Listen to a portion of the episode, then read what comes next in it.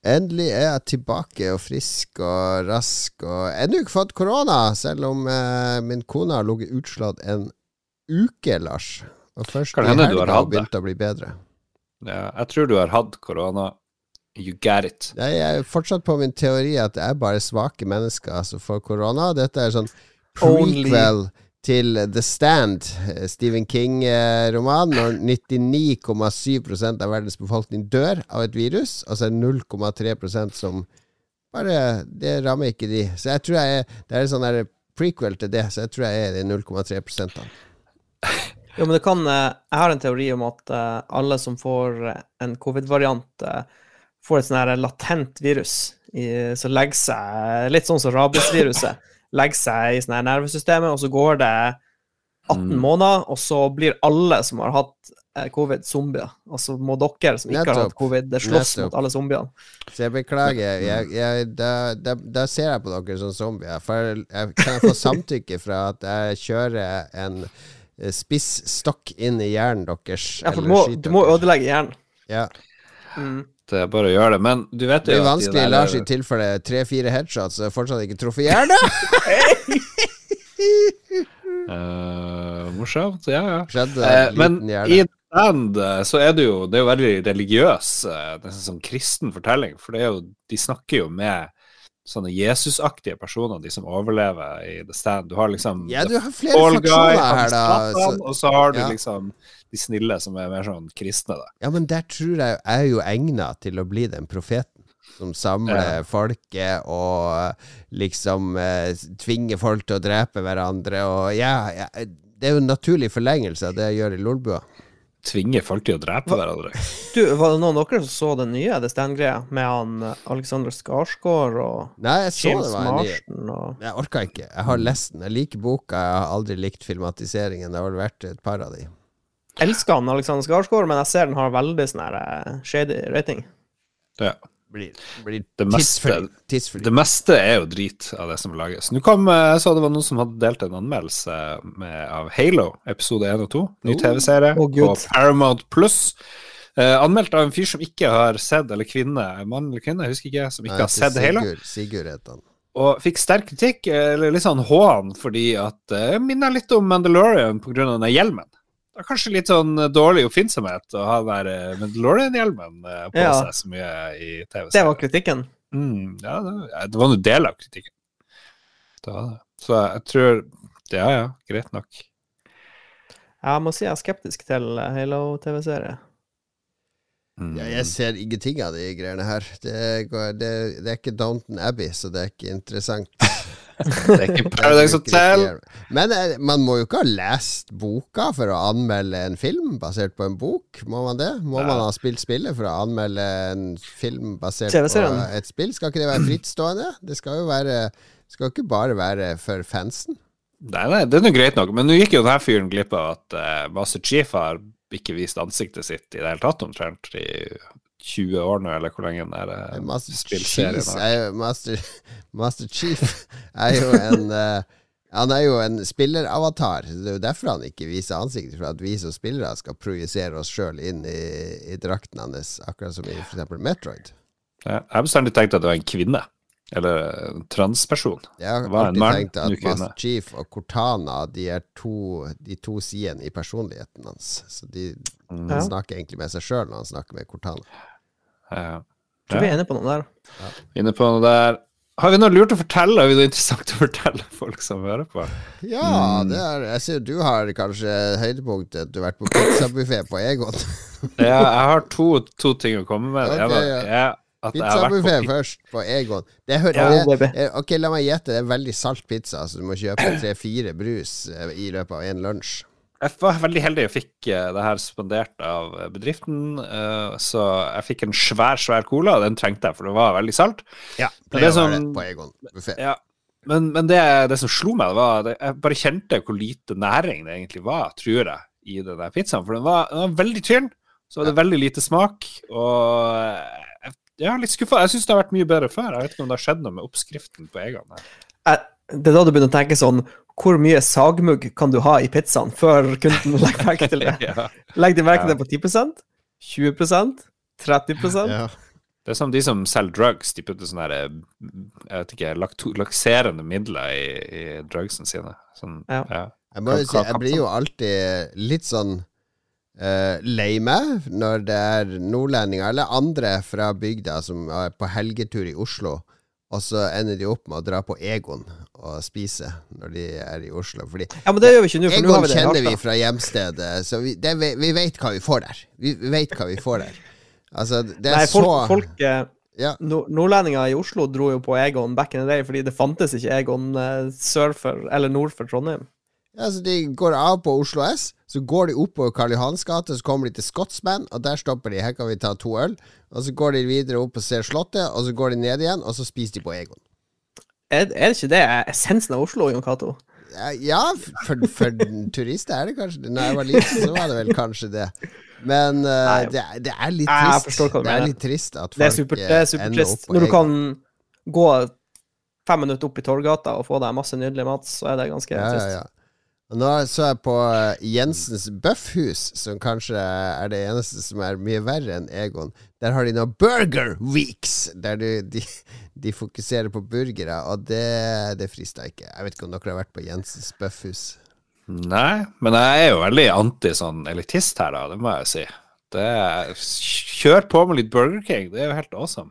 Pace Burger på. King, jeg, jeg har ikke snakka om Burger King, jeg snakker om akkurat Egons som konsept. Mm. Fordi Egons er et sted der du kan få kinamat, pizza, burger, biff. Eh, altså, de har liksom alt. De har all maten. Ja, og all, all, det sier seg sjøl at hvis du har en, eh, et stereoanlegg med innebygd TV og høyttalere og CD-spiller og eh, spillkonsoll, så får det Det blir ganske middelmådig alt. Ja, men det som er mest populært av mat i Norge, er jo gatekjøkkenmat, hvor du drar, og så Ja, får du noen liker tyrkere Ja. til å lage kebab og pizza og Dra nå gjerne til. Oslo og spis på Dronningen kebab. Du trenger ikke å dra på Egons og bestille en kebab i Oslo. Ja. Men Egon er jo den norske, liksom norskifiserte versjonen av gatekjøkken, egentlig. Hvor de har akkurat den samme menyen, bare liksom mer fancy pakka inn, og litt sånn Det ser litt mer eh, inna sånn Jeg vet ikke. Tryggere ut for, for nordmenn, tror jeg. Så da Ja, kan du ta med tante og Det er nettopp det.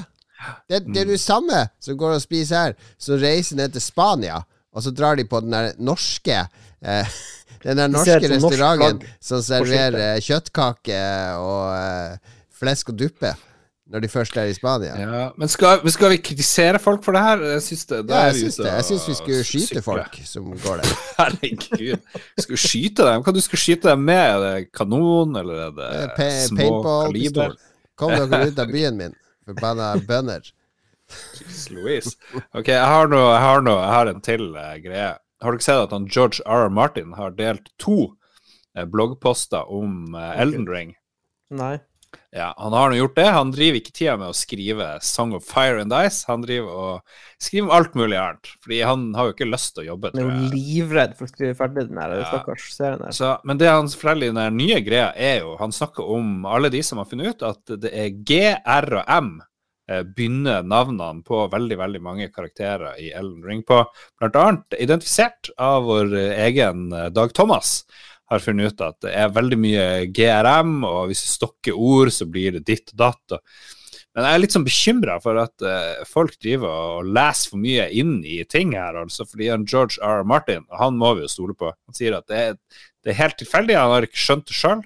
Han driver ikke og lager sånn koder for seg sjøl, i hvert fall ikke med George R. R. Martin. At det er noe, noe greie. Men det er liksom en stor following på finne skjult mening. Og jeg tror halve gamerverdenen nå driver og holder på å bli sånn her eh, loco uh, tinfoil hat-folk som driver og skal Det er du tolke alt imot da, at folk skal tolke ting. Det er bare det det er. Det er bare, alt er bare overfladisk. Det er ikke noe betydning i noe.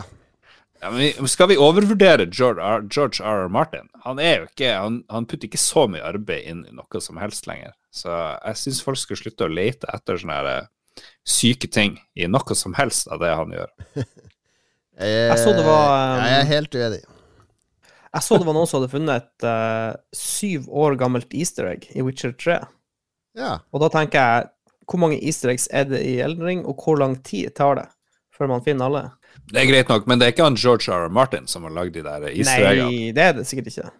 ja, men du må jo Altså, det er jo bra at folk eh, dedikerer tid, selv om det kanskje er uviktig, men blir oppslukt og prøver å make sense av, av sånne ting. Jeg syns jo det. Jeg, jeg driver akkurat nå og leser en bok. Som jeg, jeg er ikke ferdig med den ennå, så den kommer helt sikkert på anbefalingsspalten min neste uke. Men det er Kyle Buchanan sin bok om hvordan Mad Max Fury Road ble laga. Altså fra konseptet i 95. For det var da de, han eh, begynte å lage filmen, til den faktisk ble Mm. filma 20 år etter. Og hele, det er så sykt mye tanke som går inn i bare hvordan de bilene har blitt laga. Det var 120 biler i den filmen. Alle er laga av eh, deler fra skrap eh, fra søppeldynga. Det er ingen som det ingen, fikk ikke lov å gå ut og kjøpe deler, ikke sant. Alt skulle lages gjen, gjenvinnes, fordi det var sånn det ble laga i det filmuniverset, ikke sant. Man må finne materialer og finne bruksområder for de. In character. Alt skal ha flere bruksområder i bilen og sånn. Og det, det, det er helt sånn Når du ser det på nytt etter du har lest det der, legger, det er så utrolig mye detaljer. Og så mye tanke som har gått inn i hvordan ting er fremstilt og filma og sånn. Så jeg er jo helt for at folk fordyper seg i ting og prøver å, og se bak fasaden, eller connect dots, eller skjønne den kreative prosessen. Ja, men er ikke veien kort fra å drive og bli sånn her eh, konspirasjonsteoretiker om populærkultur til å tro at nå står CIA bak eh, Ja, hvis du tar det, det ut varmt av, av, eh, av mediet Hvis du begynner å se 2001 av Stanley Kubrick hver dag, og begynner å koble det opp mot månelanding og CIA og den kalde krigen, så begynner du å bevege deg i det landskapet. Men eh, kunstnerisk eh, eh, Et kunstuttrykk i seg sjøl kan ha en masse betydninger og dobbeltbunner og andre ting. Men skal du, Hvor mye tid er det sunt å bruke på fiktive verdener, egentlig? Nei, eh, Bør man ikke gå rundt og gjøre verden et bedre sted, i stedet for å sitte hjemme en uke og drive og nilese George R. R. Martin-bøker for å finne paralleller til eh, Elden Ring, eller noe sånt? Det det er sånn whataboutism som bare provoserer.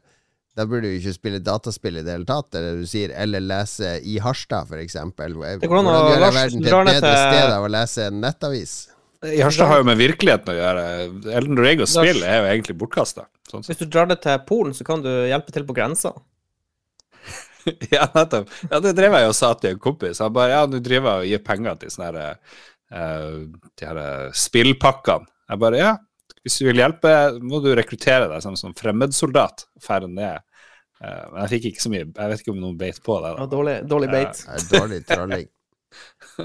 Folk må bruke tida på det som gir de mening. Det som gir ditt liv eh, mening, så lenge det ikke skader andre. Eller deg sjøl. Bør ikke skade deg sjøl.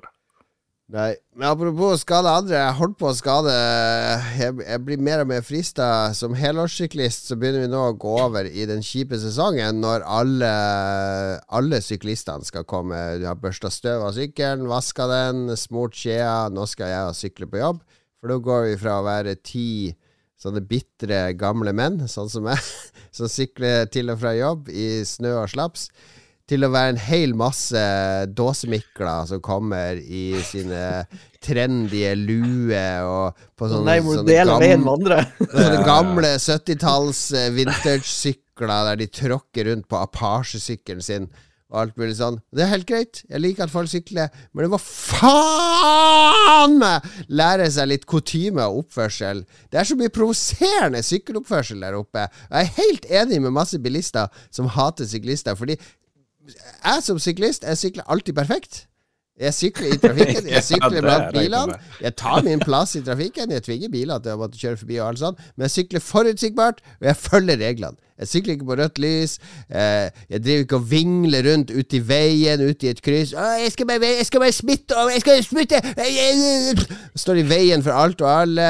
Jeg stopper for fotgjengere som skal over veien. Det er så mye dårlig oppførsel, og det aller, aller mest provoserende jeg vet det er, vi er mange som sykler, ikke sant? Det er bra sykkelvei i Oslo. Vi kommer mot et lys, eh, det blir rødt. Så kommer jeg, stopper jeg foran her, skal jeg vente på grønt. Kommer det flere syklister bak meg, vi står på en fin rekke i sykkelfeltet, ofte to rekker i sykkelfeltet, venter på grønt lys. Det er topp. Vi er et stort, fint fellesskap. Og så kommer det en eller annen idiot på den Grünerløkka-sykkelen sin, sykler han utenom hele rekka, og så stiller han seg foran alle sammen! Med den gamle, råtne sykkelen sin.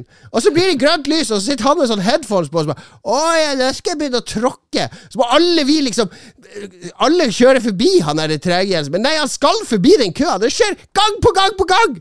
Det må bli slutt på det. Slutt med den sykkelen din. Kjøp deg bil! Sånn, det var min uh, Jeg foreslår um, jeg foreslår at du begynner å bruke vold mot de her folkene. Du kan ja. ta spark, spark Idet du sykler forbi han, ta spark til med foten. Sånn Jeg er helt rolig mens jeg sykler, men jeg, det er en sykkelukultur i Norge. Og jeg har sykla i Danmark òg, og det er en helt annen sykkelkultur. Her, Vi stiller oss i kø med de andre, og så venter vi. Ikke, 'Jeg skal bare sykle foran hele køa.' Skal jeg stille meg sånn på skrå foran alle? For det er jeg som er sjefen og skal kjøre først. Det, det er så Det er uh, Jeg hater det. Ja. Gå på Egons. Vi... Sykkel ned til Egons og spis lunsjen din, din morbide Ok, men hva om du har et sverd? For det har jeg sett i Elden Ring. Du kan slå med høyrehånda og du kan slå på, eller på høyre- og venstreside. Så det må være ganske lett å bløgge ned noen syklister, tenker jeg. som ja, men det utøver jo ikke vold. Jeg ble tuta på av en uh, Tesla da jeg var på vei opp Kongsveien. Kommer det en Tesla bare bu, bu, bu, Og så sveiva han i vinduet og 'Kom deg ut av veien, da!' og så kjørte han opp, og så hadde han nummerskilt. Det var Force E sto det på nummeret. Oh. Altså sånn betalt nummerskilt. da Jeg har, jeg har faktisk et genuint forslag. Ja. Du, vet, du vet når um, Hvis du har sånne kjæledyr som driver og hopper på bordet og sånn, og så vil du at de ikke skal gjøre det, f.eks. katter, ja. så kjøper du deg en vannpistol, og så sprayer du dem med vann når de hopper på bordet. Det må du gjøre. Du må ta med deg en vannpistol, ja, og når han det. kommer syklende forbi, så, ta, så, spruter du han i nakken med vannpistol. fyller den med urin? Nei, med syre. Ja, syre er litt farlig. Men han Force E-Teslaen som kjørte forbi meg om dagen og skreik ut vinduet 'Kom deg opp på fortauet!' og tuta.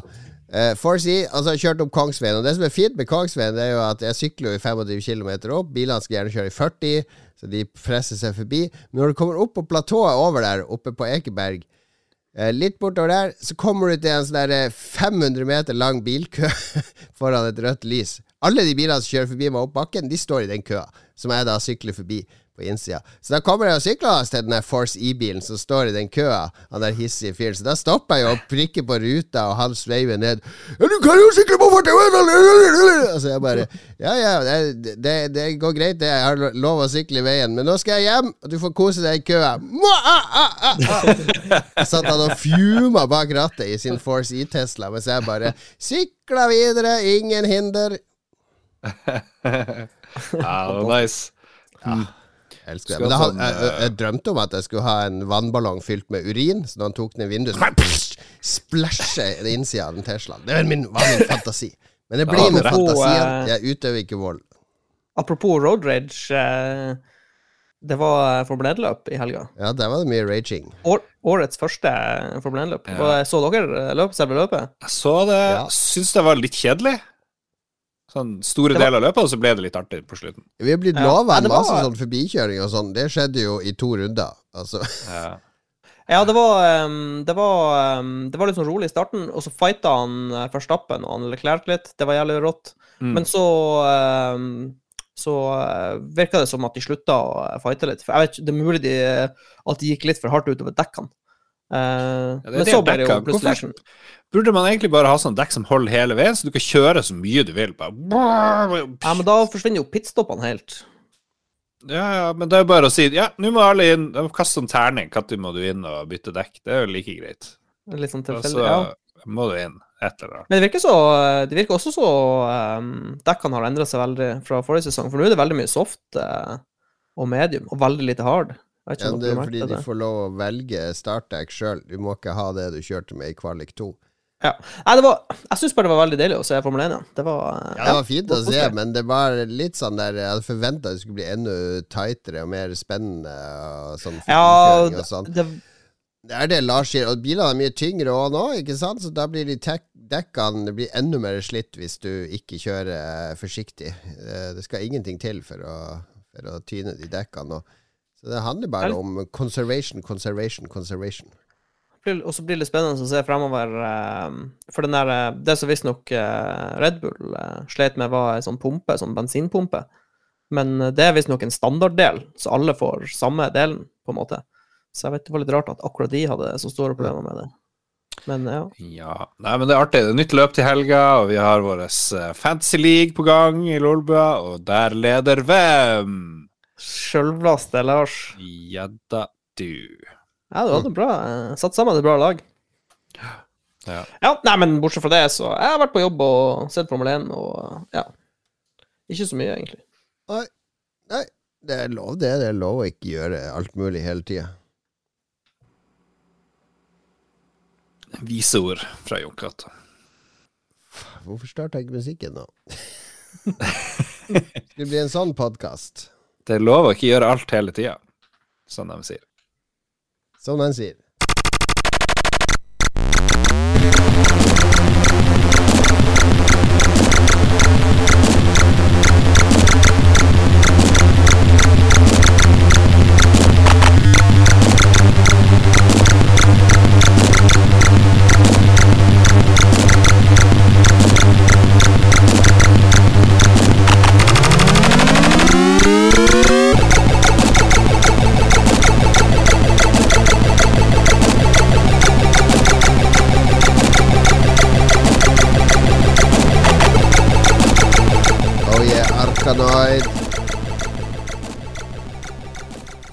Oh yeah, sa det må vi følge opp med noe sånt Hell yeah, eller et eller annet. Ikke Wow. Don't leave me hanging. to the noid. Legg bort telefonen, Lars. Ja, dere vet det var George R. Martin som skrev Arkanoid-boka som spillet er basert på. Kanskje Kanskje Ja, det har jo bokstaven R i seg, så det er jo åpenbart Ja. eh, Mm. Hva vi spilte spilt i det siste? Var det ikke noe Det det jeg hadde håpa du skulle fortelle om i hva har skjedd siden sist, Mats, er jo at du var ute på plattform. Plutselig kom Kristoffer Joner inn. Helvete, karer! Det blir Det faen meg det! Det rister! Det kommer en bølge nå! Vi må ut på dekk, alle mann! Alle mann! En hel bølge! Fordi det har jo vært jordskjelv ute på oljeplattformen din. Nei, ikke på min oljeplattform. Nei, Eh, det var, det var um, Jeg så det bare på nyhetene uh, idet jeg satt og venta på mitt helikopter som skulle gå inn til land, så så jeg at det var utenfor Florø, på snor, Snorrefeltet, Mhm. Snorre B, så var det jordskjelv. Så de, de, de, de har sikkert merka det. Da kler det sikkert bra i kaffekoppene, men uh, hos oss var det helt, uh, helt dødt. Det, det var ikke noe Kristoffer Joner-situasjon. Det skuffende mengde Kristoffer Joner og uh, generelt katastrofenivå. Hva er det nærmeste du har vært døden på plattform?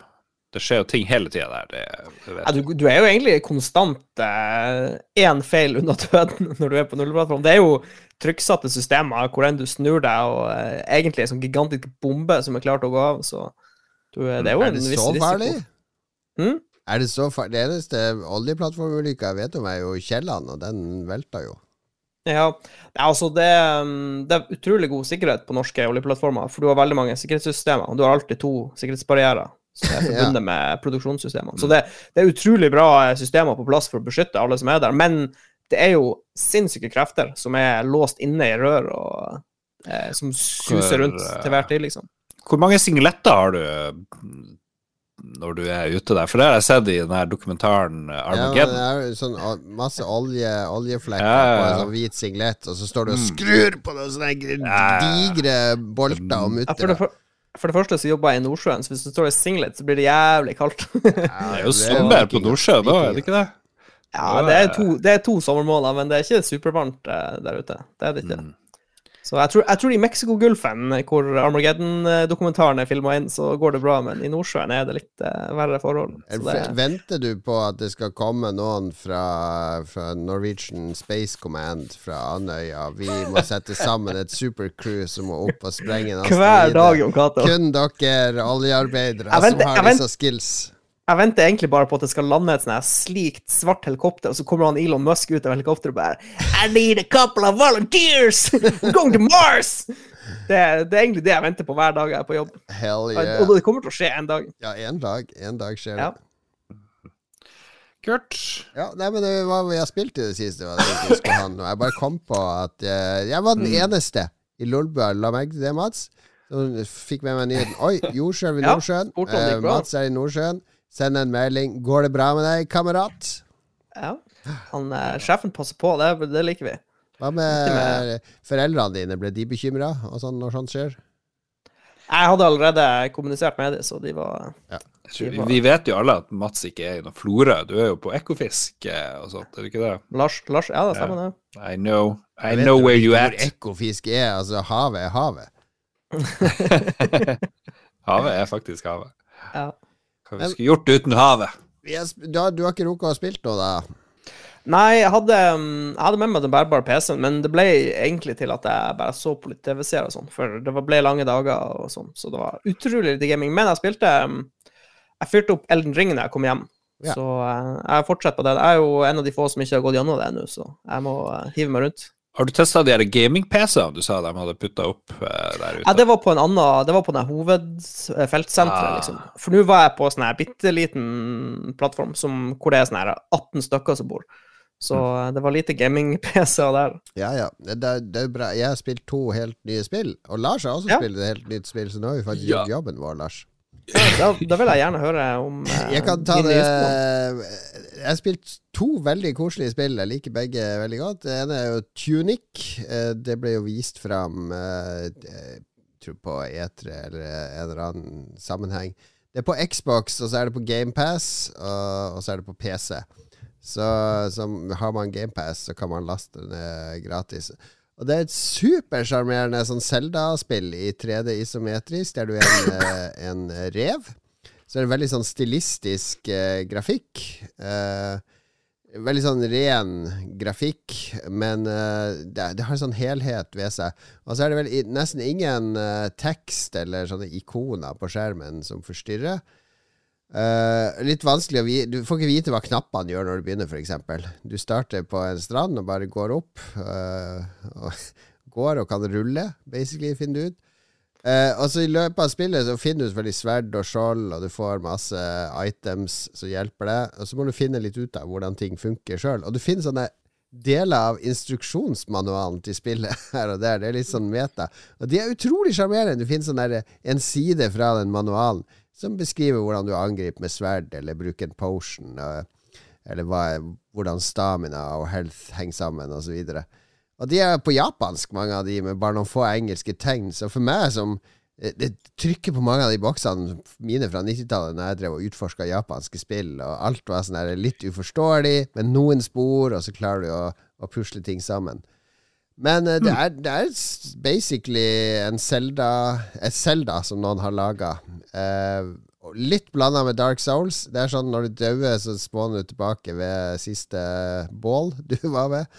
Så, eh, og du mister ting du hadde, så du må gå tilbake til der du døde, for å plukke opp eh, de pengene igjen. Eh, sånn ja, så, så det, er, det er litt Dark Souls. Jeg vil ikke si at det er ikke sånn det er supervanskelig som Dark Souls. Det er ikke det det handler om. Men det er masse secrets.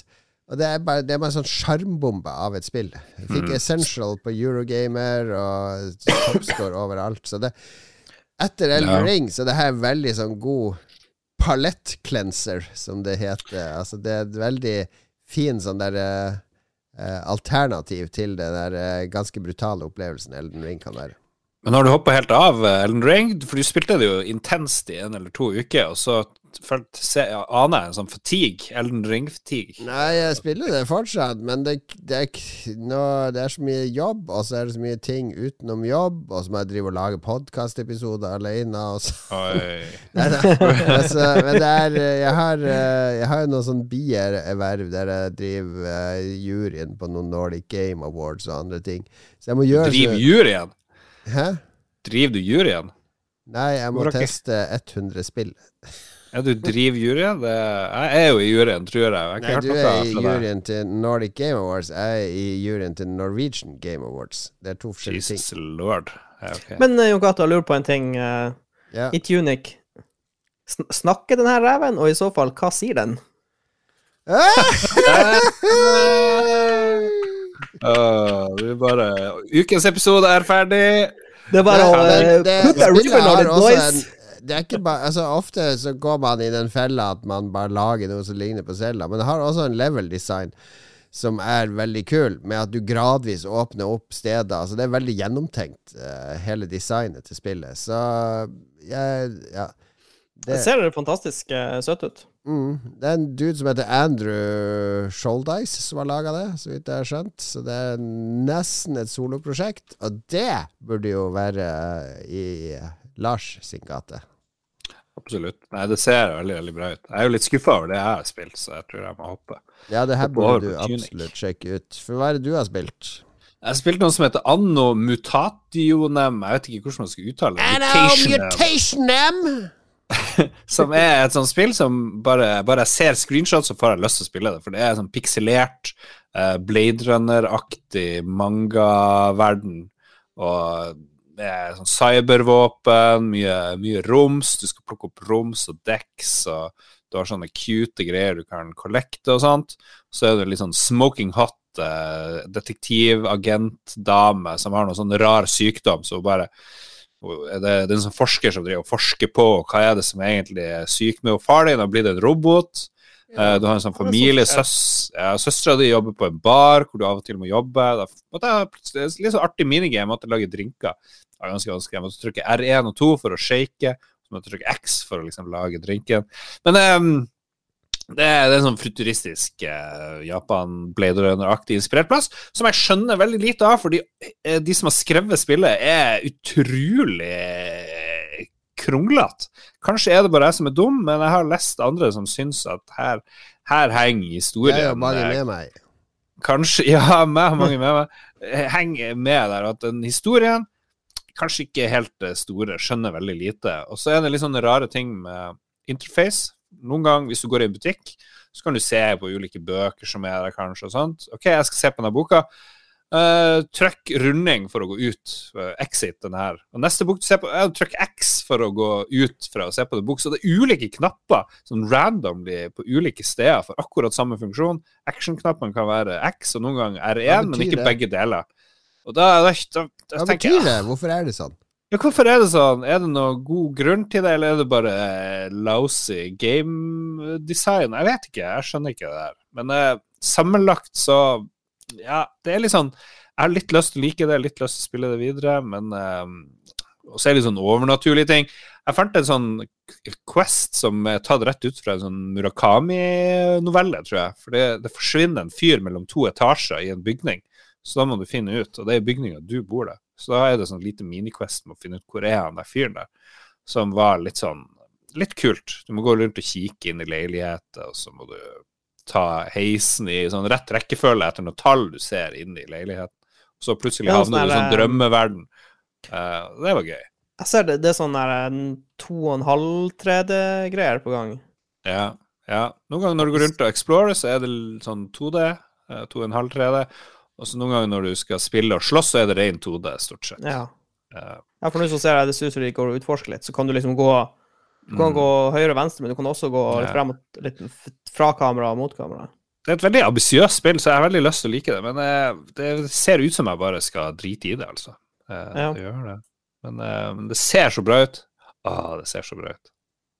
Pixel, megapixel Blade Runner-art.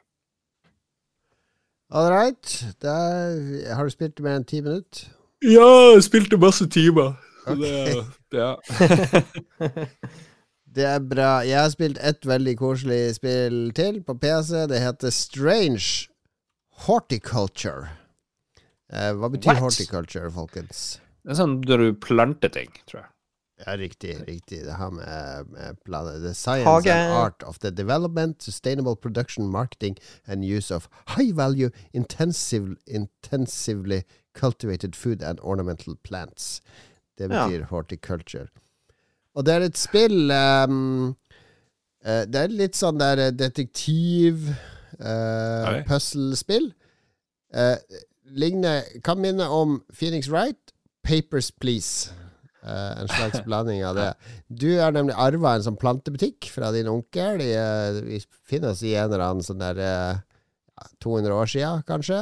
Eh, og eh, i den butikken så er det en del planter. Det er fortsatt plass til mange, mange flere planter.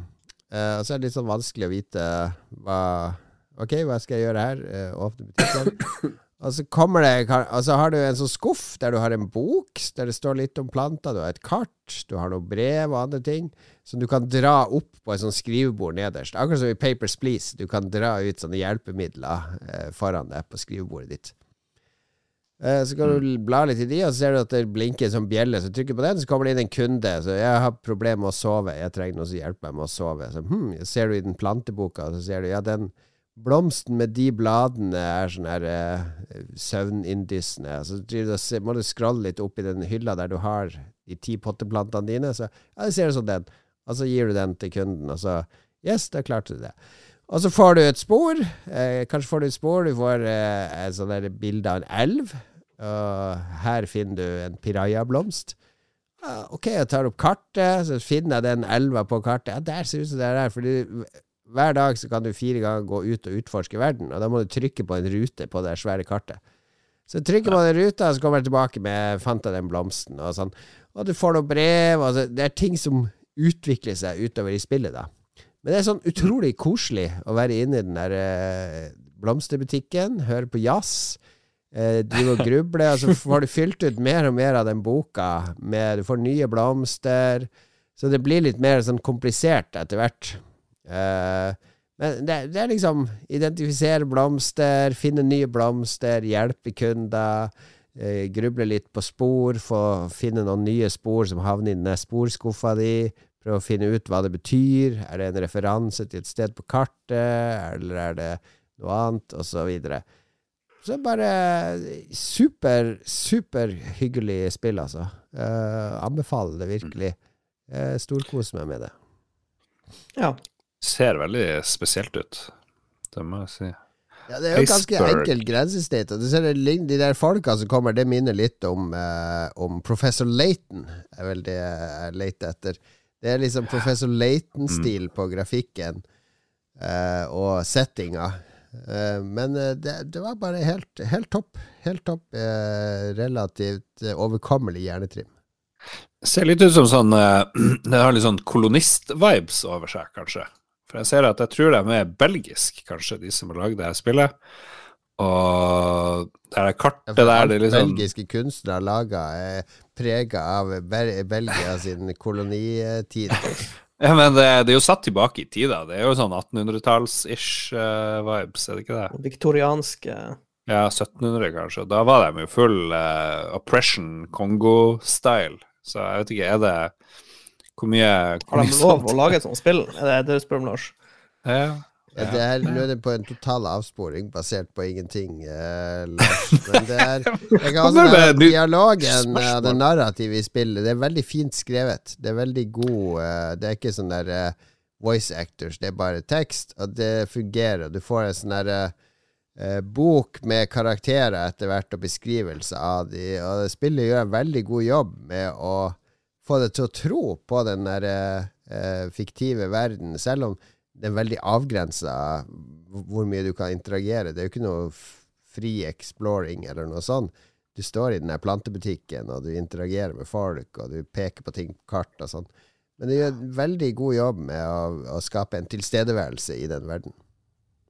Jeg måtte jo google her, så jeg fant jo en interessant artikkel som heter 'Campaign launched to end racism in horticulture'. Så jeg sier ikke noe mer enn det.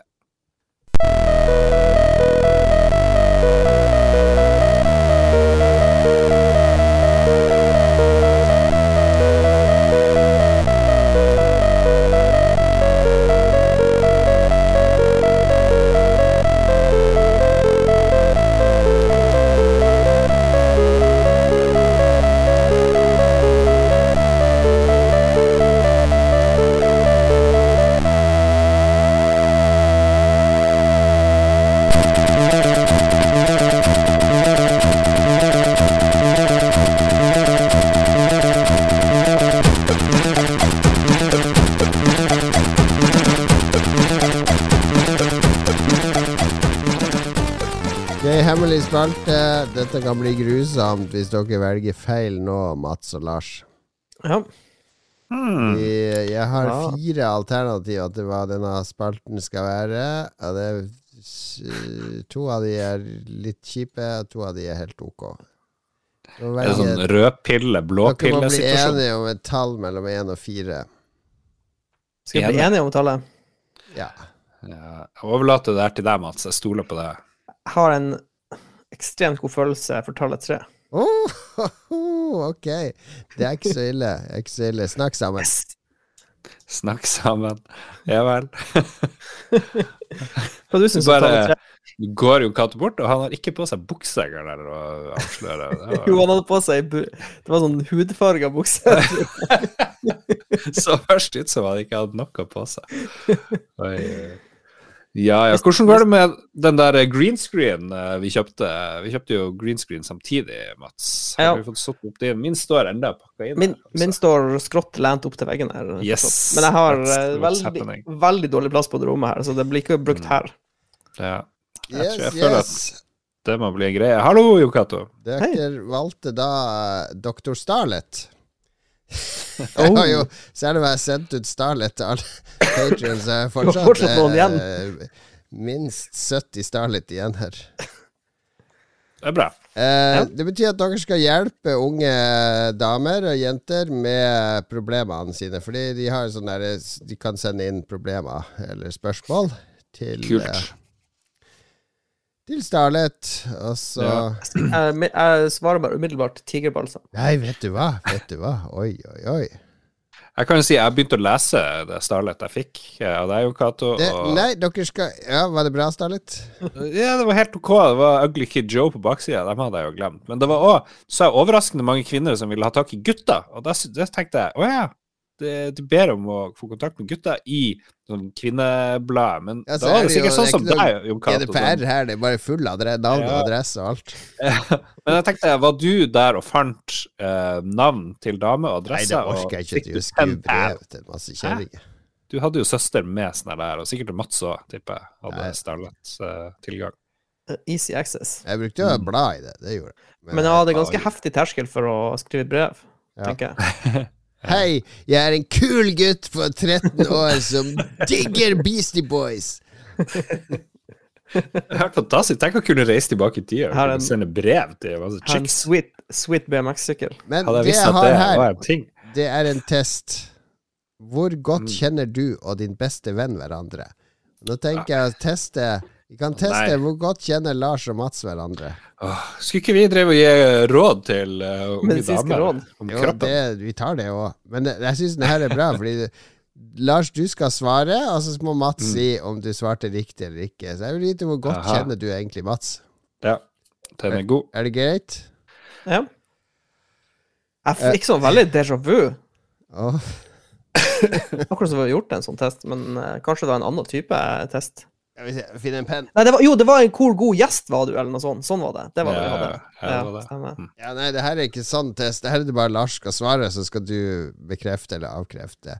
Så Ja. Lars, har Mats Mm. et idol som han eh, beundrer mer enn alle andre? uh, nei, det er jeg usikker på. Han, uh, han var jo veldig glad i Steven Seagal en stund. Men jeg tror det har gått over. Ja, Ja. Nei, altså. Stemmer det, Mats? Uh, ja, jeg tror ikke jeg har noen idoler nå. Jeg føler at alle, alle Det fins ingen idoler, egentlig. Ja. Det fins bare falske idoler. Alle har skuffa deg, men har du hatt noen? Hva var ditt største idol?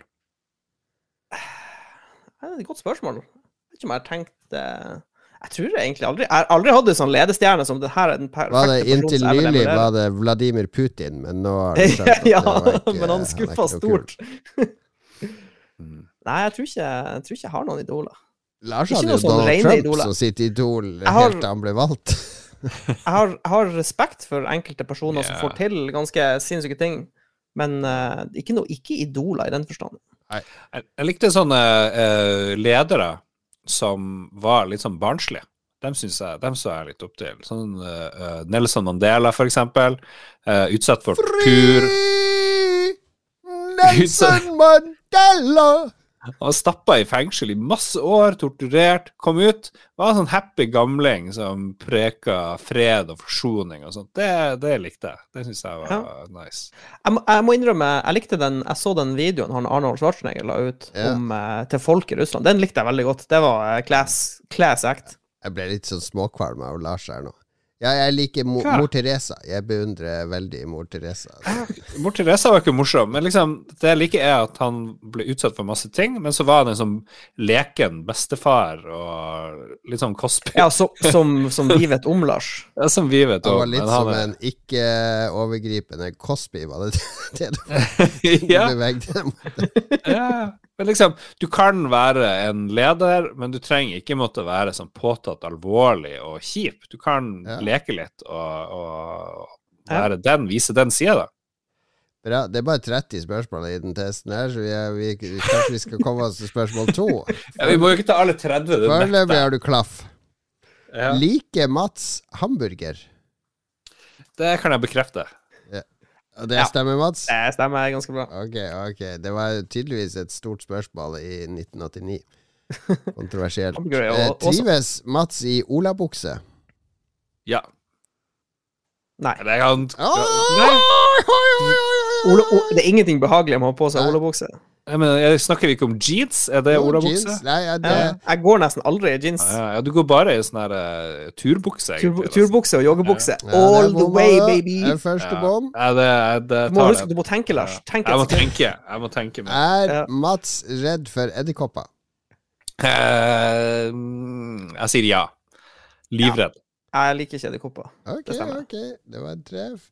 Fikk Mats eh, noen femmere på siste tentamen?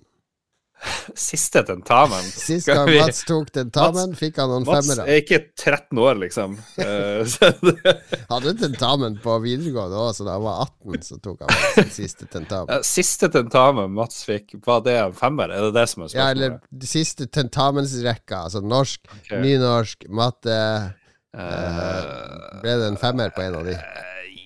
ja, jeg tror det, det Jeg tror det var en femmer der, altså. Ja, Mats. Ja, jeg fikk fem i engelsk. Woo! Der ser du. Eh, er Mats forelska i noen? Eh, ja Det spørs hva du legger i forelska. Ja, at Eh. han eh, kunne tenke seg å bli kjæreste med en spesifikk person. Eh, nei. En ekte person eller en Må det være en person som, som bor i Harstad, eller som bare eksisterer på planeten Jorda? Ja, det er, ja, Lars svarte nei. Jeg, jeg tenker på her i Harstad. jeg, jeg, har ikke noe, jeg har ikke en aktiv forelskelse. Det har, det har jeg ikke. ja, det, det er greit.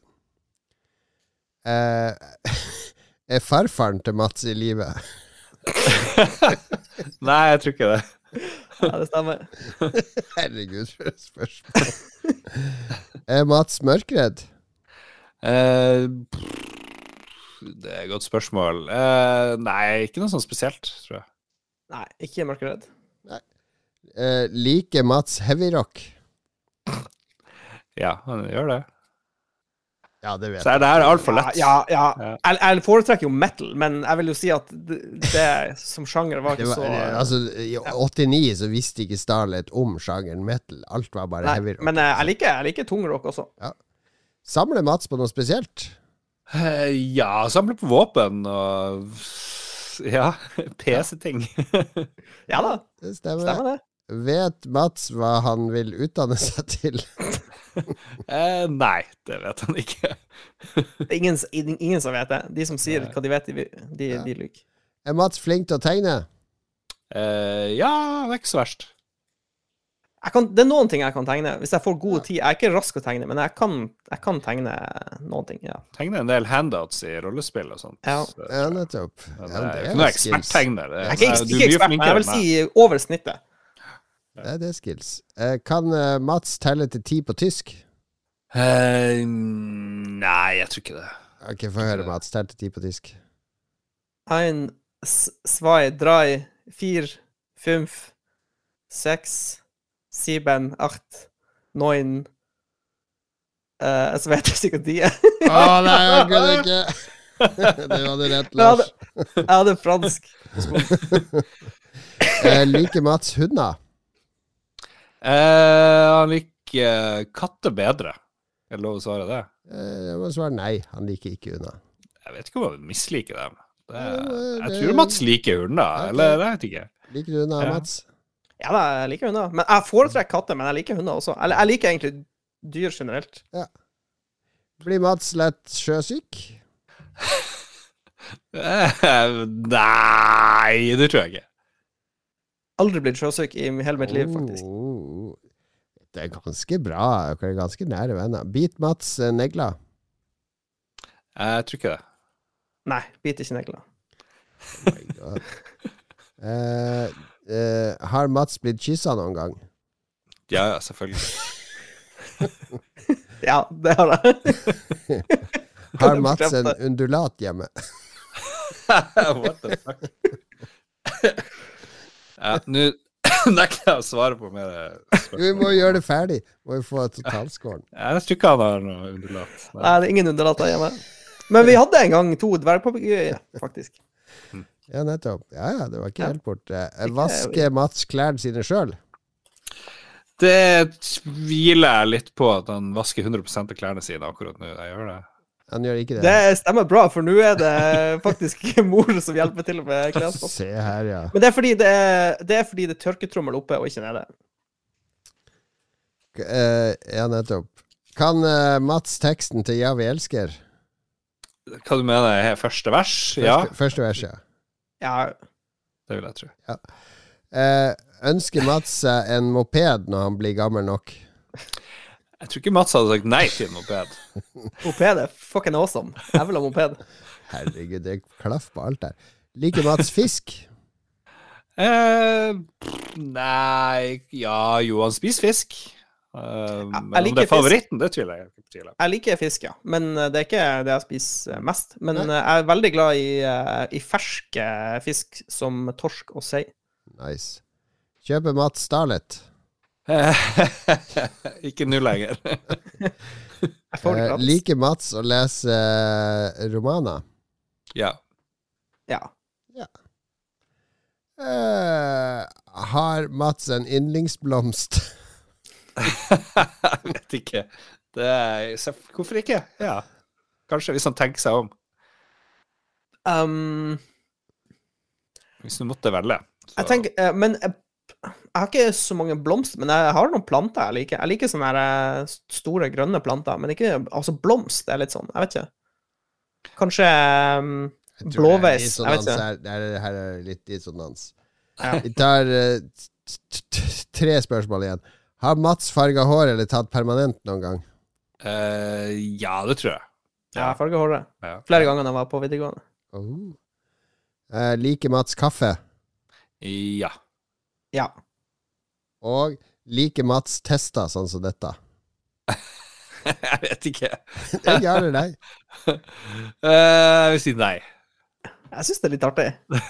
Oh, ok, det var tre. Tre! Ja, det er ganske syv, ganske bra, av, av Ganske bra 29. stryk, vil jeg si. Ja, det må jeg si. Vi må spille litt musikk, og så blir det Doktor uh, Starlet.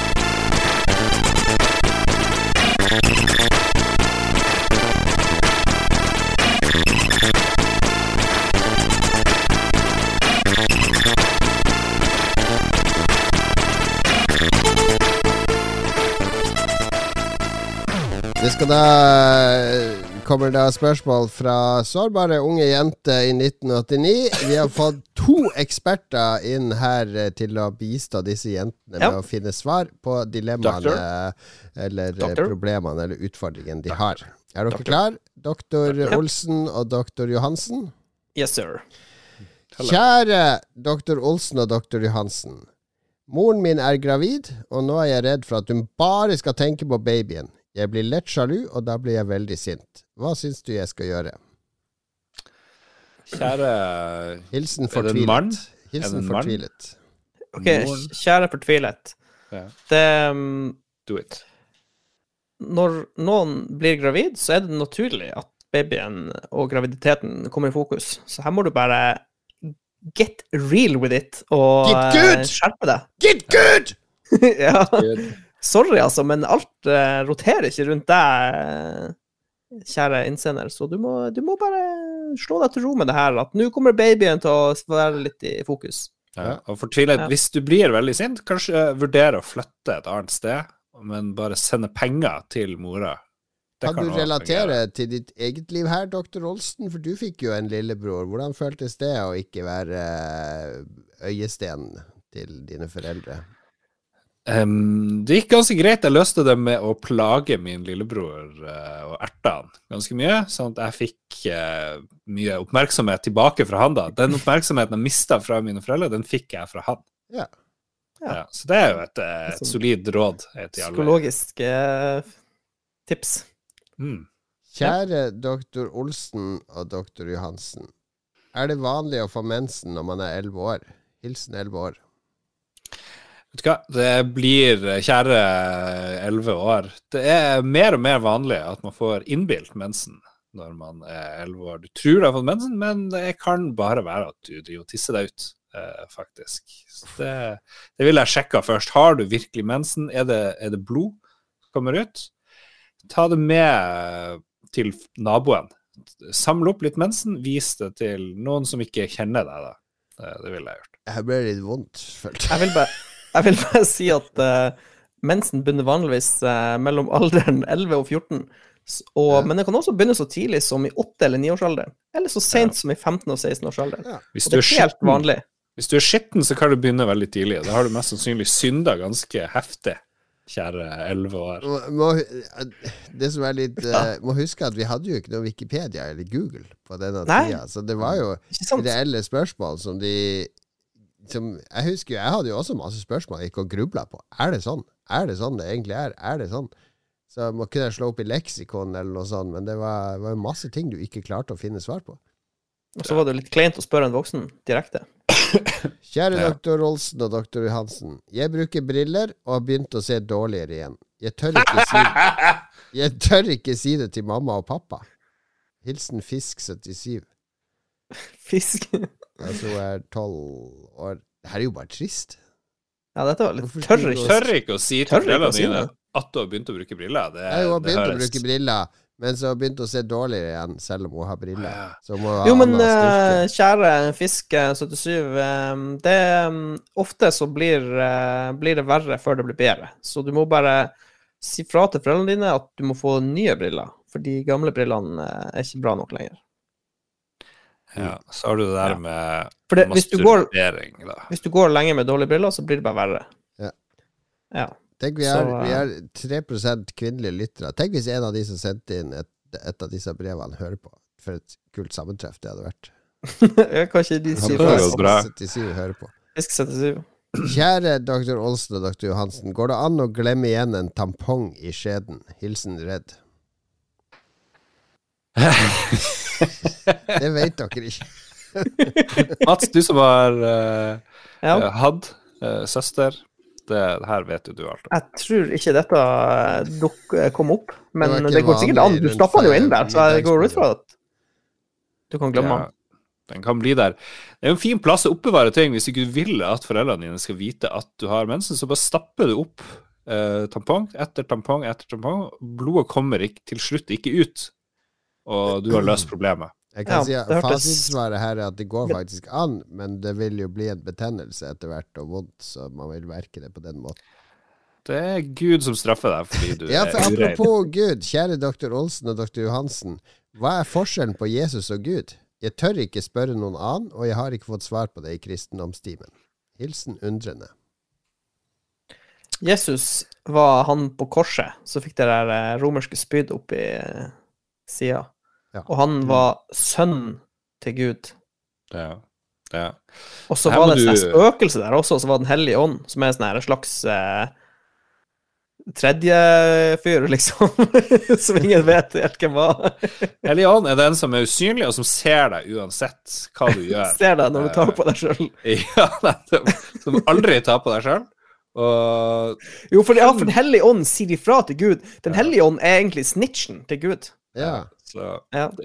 du skal kun ta på deg sjøl når du skal putte inn ny tampong Eh, Ja. Og Jesus, Jesus er liksom Hvis du tenker sånn her good cop, bad cop, så er liksom Jesus er good cop. Han er liksom kompis og hjelper deg og sånn, mens Gud er liksom han som straffer deg og er veldig sint og trasig Ja. hele tida.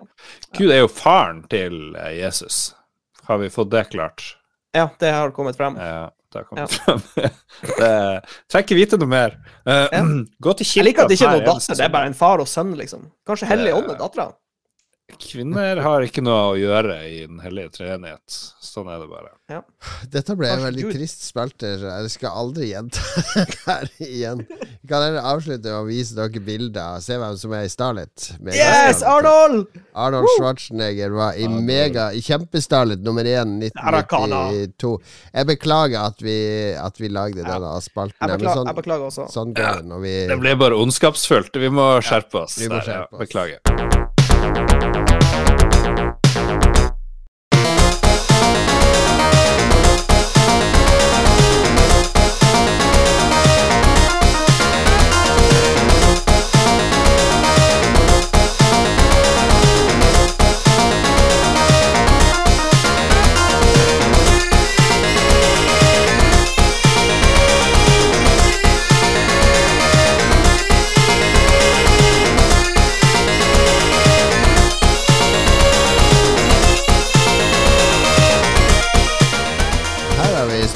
Hvordan blir det egentlig fugler inni eggene? står det i dette kjempestalet. Det, det Vi er ferdig med spalten. Vi skal anbefale ting. Anbefaling. Ja. Yeah, boys. Blank fra deg, Lars. Den blir, kan du gruble og ta noe frem med desperasjon til slutt? Og så skal vi jo begynne med der, la Mats. La Mats. La La Mats. Mats. Ja. Eh, før jeg dro på jobb, så anbefalte jeg jo Google sin watchlist-funksjon, som, som fungerer Altså, det, det er en ålreit funksjon, men eh, jeg ser at det er et problem med å holde litt sånn den store oversikten. Er den ikke så bra på. Den er mer sånn at du liksom legger, du legger filmer til watchlisten, og så plutselig dukker de bare opp der i den her karusellen. Men eh, jeg tror for lenge siden så har en av dere anbefalt en app, eller jeg, jeg husker ikke helt. For jeg har brukt denne appen før. Eh, den heter TV Time. Har dere noe forhold til den? Teeny Tam? Nei. Ukjent. kort, kort uh, forklart så er det Det er egentlig bare en sånn, um, sånn uh, En app for å holde oversikten over hvilke TV-serier du har sett, i så fall hvor langt du har kommet, og hva du har lyst til å se, og hvor den er tilgjengelig, uh, osv. Så, videre. så det er bare en slags recordkeeper record keeper av TV-serier og filmer du ser og har lyst til å se.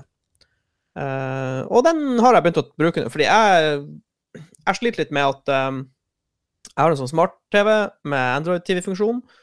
uh, og så er han ikke Han er ikke så flink på å hente fram uh, noen gang neste episode i den her hovedskjermen.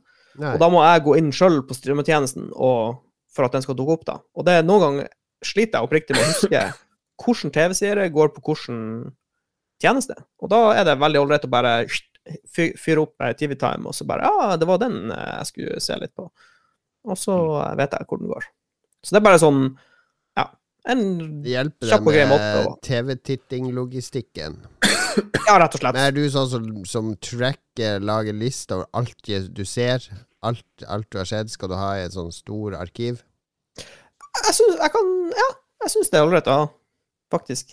Ja. For tenk, tenk hvis jeg plutselig får uh, dette i et koma, og så våkner jeg opp, og så husker jeg ikke TV-biblioteket mitt. Så eh, kan jeg fort eh, slå opp i appen. Hvis du, Nei, altså, det er bare hvis du får hukommelsestap og ikke husker noen av seriene du har sett, hva er poenget med å vite at du har sett dem? Nei, det var en, spø det var en spøk. Okay, okay. Eh, det er mest bare for um, For å uh, Hvis jeg ikke husker hvordan strømmetjeneste Eller la oss si en TV-serie går på en uh, Netflix, og så begynner du å se den, og så ser du halvveis uh, inn i en sesong, og så plutselig mister jeg Netflix eh, eksklusiviteten på den TV-serien, og så er det noen andre som plukker den opp. Da, hvis du har bare har hatt den inne i det her smart-TV-systemet ditt, så eh, forsvinner den egentlig eh, med basically. Men da, hvis du har TV-time, så kan du Ah, ja, jeg Ja, måtte For det er alltid oppdatert. Nei, nei, for den er helt eh, Den er uavhengig, ikke sant? Så TV, smart-TV-en din, når, når du trykker 'continue watching' og 'watch next' og sånn, Ja. Hvis den serien bokstavelig talt forsvinner fra Netflix, så forsvinner den jo der òg. Den, kommer jo ikke opp på nytt igjen hvis den kommer opp på en annen tjeneste. Da må du jo legge den til og se på den. Og, Nei, men I TVTime-appen, hvis den forsvinner fra Netflix, så kan du sjekke i TVTime-appen hvor du kan se den. Korrekt. For den, har- Ja. den, har ikke, den har ikke affiliasjon i TVTime-appen. Det, det er som en database, ikke sant? Ja, ja, Og så er det bare en sånn ekstra metadata som er hvor går denne TV-serien. Så det er som en sånn slags Og det stemmer super- for Norge, liksom? For det ofte finner jeg at det bare stemmer. Og det står 'Å, den er på Netflix', og så går jeg på Netflix, og så Nei, det var bare Netflix i USA. Ja, Foreløpig stemmer den for Norge, men, øhm, men for meg så er ikke den viktigste funksjonen hvilken strømmetjeneste går det her på. For meg er den viktigste funksjonen hva er det jeg har holdt på å se, rett og slett. Ja. Det er derfor jeg bruker den. Ja da, du. Du må fortelle meg om det her senere, for jeg datt litt ut. eh, Men eh, jeg, jeg tror på det her. om TVTime! The app. Altså, det, det, det, er en, det er bare en app for å hjelpe deg Uh, loggføre eh, TV TV-seerne du følger med på, rett og slett. Ja. Kort forklart. Det fordrer at du tar det ganske alvorlig. Uh, Har du en Altså, det- det tilsvarende deg- app for spill? Det tar deg to sekunder å Ja, åpne men den appen. har du en, bruker du en tilsvarende for spill og bøker òg? Nei, der har jeg Google Docs-dokumenter. Ja, det er topp. det tar meg to sekunder å slette gamle mails òg, men det skjer jo heller ikke. Ja, så vi er alle forskjellige. Det er ikke sikkert denne appen er for dere, men det, det er garantert flere som meg der ute. Ja, jeg, altså, min far var jo sånn, fordi når jeg rydda etter han og han døde, ikke sant Han hadde masse sånne kommoder, og han, nede i kjelleren var liksom hans fristed. Jeg hadde han fiskerom og to, og tatt vare på en masse greier. Eh, masse sånne notisbøker og skrivebøker fra han var ung og student. Og han var jo sånn når han vokste opp i Harstad og studerte i Oslo. Han hadde en sånn liten notisbok der han teipa, limte inn kinobilletter. Jeg har vært på kino i 1963 og sett en eller annen western. Jeg har limt inn kinobilletten. Så han, han hadde sånn arkiv over alt han gjorde, ikke sant? Jeg, er ikke, jeg er ikke noe stor fan av å ha sånn fysiske arkiv, men eh, jeg syns det er veldig ålreit å ha For eksempel, jeg har på driven min så har jeg en katalog som heter Notater, og der har jeg Ja. en for spill og en for bøker. Og, og da eh, bruker jeg ofte å skrive bare noen stikkord om hva spillet eller eh, boka handler om. da. Så er det litt, litt, hjelper deg å huske litt òg. Her ligger det en artig prank, Lars, neste gang Mats er på fylla. Du kommer deg inn i den appen hans, bare 'Ja, jeg har sett den serien, jeg har sett den serien, den har jeg sett.' Og Mats sier 'Å, det ser spennende ut'. 'Nei, vent, den har jeg sett'. Hæ? Hæ? Det er en sånn fin måte å bli drept av Mats. Det Evil det prank. jo det de gjør. Evil pranks. Mats må bare slette alt og se alt på nytt for å ha kontroll. Ja, den eneste måten.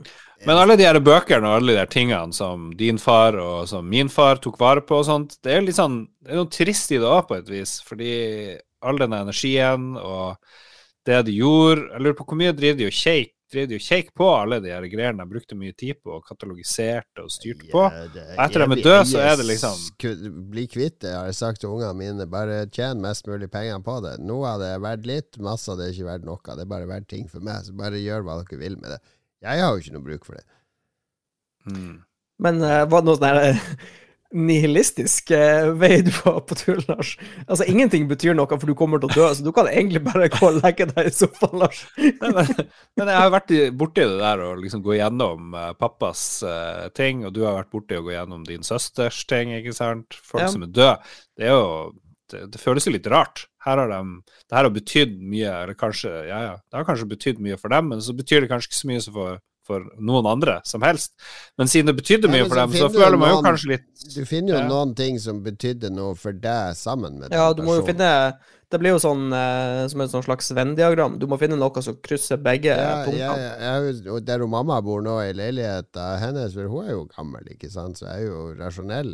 Jeg vet jo at jeg kommer antagelig til å leve lenger enn hun, og på et eller annet tidspunkt så kommer jeg til å måtte rydde den leiligheten. Jeg vet jo at det er noen ting der som har affeksjonsverdi for meg òg, som jeg kanskje vil ta vare på som minner om hun og, ja. Men de andre tingene de har du bare begynt å selge på Finn og sånn allerede. Bare, hvem vil kjøpe? I skjul, i skjul. Og så bare ringer folk som bare 'Nå kan jeg komme og hente det'. Ja, vent, vi får vente en uke til og se. Jeg så litt på eh, vi, vi så på der Rydderevolusjonen eh, sammen i går på TV, Ja. og eh, man eier ganske mye ting man ikke trenger, for å si det sånn. Jeg tipper hvis du hadde tatt alle tingene i huset ditt ut i en sånn hall, så hadde, kunne du sikkert kasta Ser du bak meg på det kameraet her? Eh, Altså, alt Ja. det her er jo bare skit. Det er bare skit som jeg har tatt vare på, som jeg liker å ha der, og som av og til drar jeg frem noen av de bøkene og sitter og blar i, eller leser i, eller faktisk bruker tid på. Så det betyr noe for meg. Jeg får en trygghet av å ha alle de tingene der bak meg. Ja. Ok, Uh, min anbefaling er uh, en ordentlig blast from the past, fordi eh, hele forrige uka så var kona mi sjuk, så jeg måtte jo vaske klær og lage Vi må avslutte med det her. Vi må ta min først, så tar vi avslutte. Ok, er din så dårlig? Ja, det er ikke så bra. Okay. Det er, jeg driver og leser noen bøker av en fyr som heter Andrew Moriarty.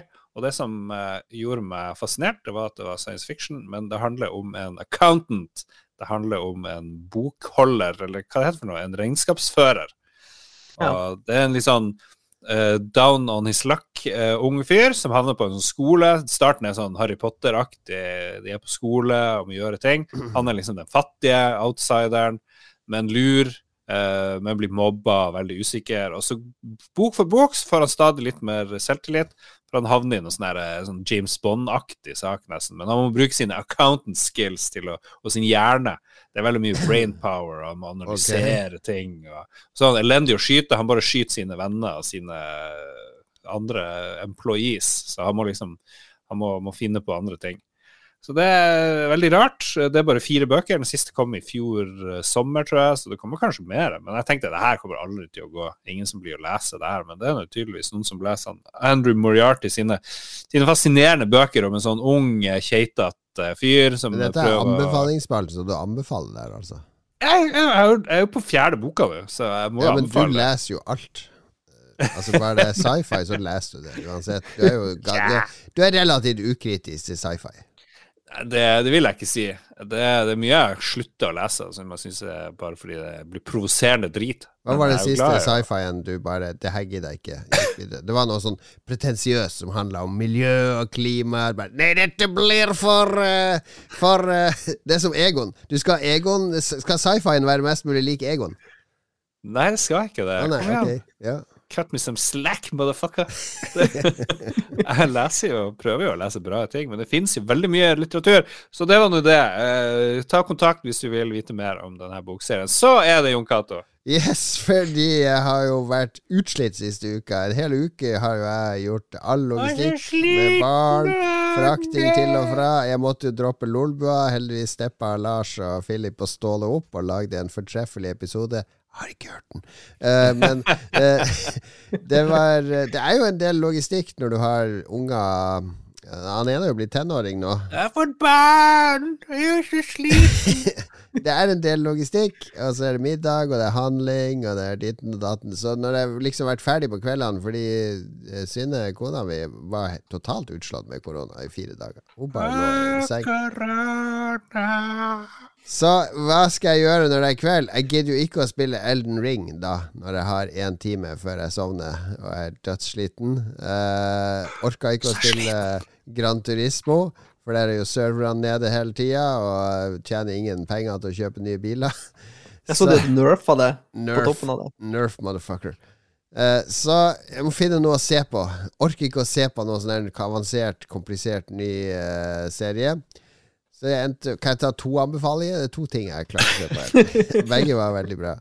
Uh, ja, Du bruker veldig lang tid å fortelle hvor sliten du er før du skal liksom Er du, er du flau over å anbefale en de tingene? Prøv å lage en ramme for hvorfor jeg falt for det.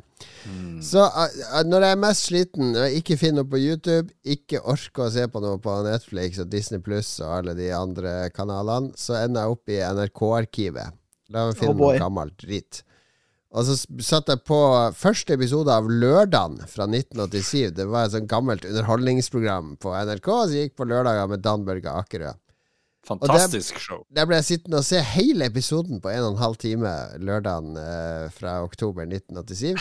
Det var helt fantastisk! Det var eh, gjester. Det var sånn eh, Det er sånn unge versjoner. Kåre Valebrokk er plutselig gjest, og Nina Karin Monsen. Eh, masse folk du kjenner fra i dag, masse folk jeg ikke kjenner fra i dag. Det var fantastisk eh, musikk, og så var det en fantastisk parlek. Det er ikke så fantastisk, men det, var, det motebildet er der. Altså, Dan Børge han er sånn skikkelig sleazy. Det er sånn seksuelle innuendos hele tida. Oh, ja, ja, ho, ho, ho. Det er noe sånn Det er sånn jappetid-greier. Han var sykt høy på kokain hele tida. jeg tror han var konstant coked out of his mind! Jeg, jeg, skal ikke uttale meg. Men jeg ble som et tidsvindu tilbake. Altså, de sto jo i sånne forskjellige kriser der òg. Eh, med hva skal Norge leve av i framtida? Så det er et helt program der det er 40 minutter debatt med seks stykk i de sofaene om at Norge skal bli en servicenasjon. Eh, det er det Norge skal leve av i framtida, er turisme. Det var liksom mm. Det var tankesettet på den tida. Det var veldig fascinerende. Og det, det her lørdagen fremdeles? Hæ? Er det lørdagen fremdeles? Nei, nei, det varte jo bare til 91 eller noe sånt. Det var for bra. Men uh, altså var det Det var Det er eh, dans, det er diskodans Det er noe Det er et Altså er det noen sketsjer med Kirkvåg, Trond Kirkvåg og han der fra Carl og co., han Nils Vogt. Ja, nei, jeg bare lurte på om det der miljø, eller det der eh, debatten om Norges fremtid, at det var en 40 minutters sekvens i lørdagsunderholdninga. Ja, det var det. Hele programmet var strukturert som en stor debatt på 40 minutter. Altså noen mm. sånn humorinnslag med Kirkvaag og, og Nils Vogt. Og så ble det avslutta med en sånn parduell der tre ukjente ektepar skal svare på sånn, litt sånn spørsmål som du og Mats har svart på nå. Eh, kjent, hva, svarer, hva, hva, er din partners favorittdel på deg, og sånn, på kroppen din? Uh, veldig edgy til å være 1987 NRK. Så jeg, jeg, har sett tre episoder av Lørdag nå.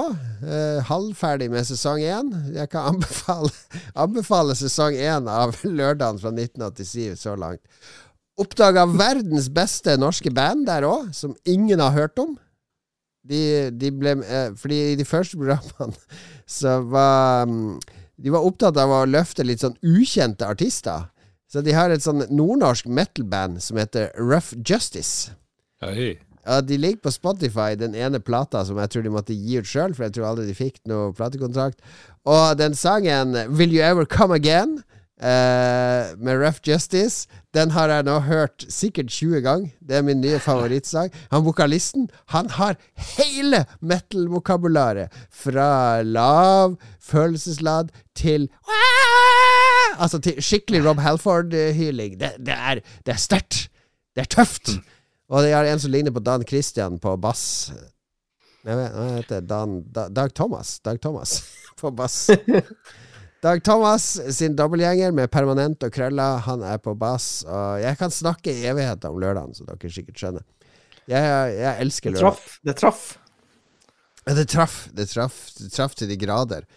Og akkurat som i Starlet, når jeg ser disse annonsene fra jenter som vil ha brevvenner, så går jeg på Facebook og så ser jeg hvordan, hvem er disse personene i dag. Det gjør jeg på lørdag nå. Hvem er denne musikeren jeg aldri har hørt om? Går på Facebook. Å ja, han er musikklærer på Skedsmo videregående skole, 60 år i dag. Det er fascinerende. Fascinerende. Hm. Ja. Nå er jeg på roughjustice.no. Men uh, sida fungerer tydeligvis ikke. Nei, jeg tror ikke de bandene har eksistert på 40 år, så 30 år, så jeg skjønner ikke jeg ble overraska over at de var på Spotify i det hele tatt. Ja, de, er, de har 322 følgere på Facebook. yes, det er. Mm. Ok, det var det. Uh, det ble bare den ene. Ja, den andre jeg har sett, er uh, Det er Documental uh, på Amazon. Det er jo du har sett nå, Lars.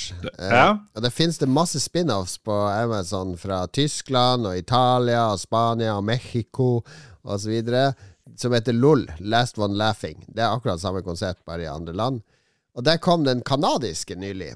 Ja, den er bra med han Tom Green. Ja, han Tom Green. Tom oh, Green shit. er kjempemorsom. Ja, Tom Green, okay, så er han ene duden fra sånn der uh, Whose Line Is It Anyway? Han der gamlingen. Holy shit. Og ellers er det ikke så mange jeg kjente fra før, men han Tom Green er så bra. Herregud. Så det fikk meg til å søke, og han har gjort noe standup på Tom Green. Han er morsom. Morsom fyr, altså. Herregud.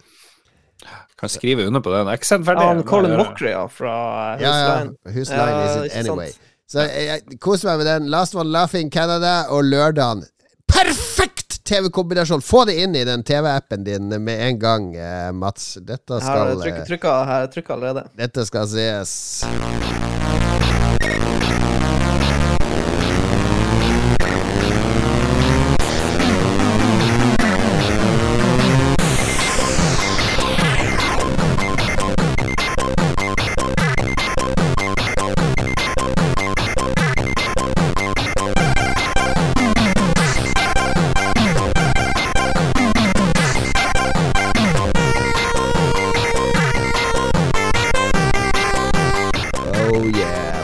Formula 1-simulator. Det er til ære for uh, Max Verstappen og alle de andre som prøvde seg i helga. Stakkars Max, da.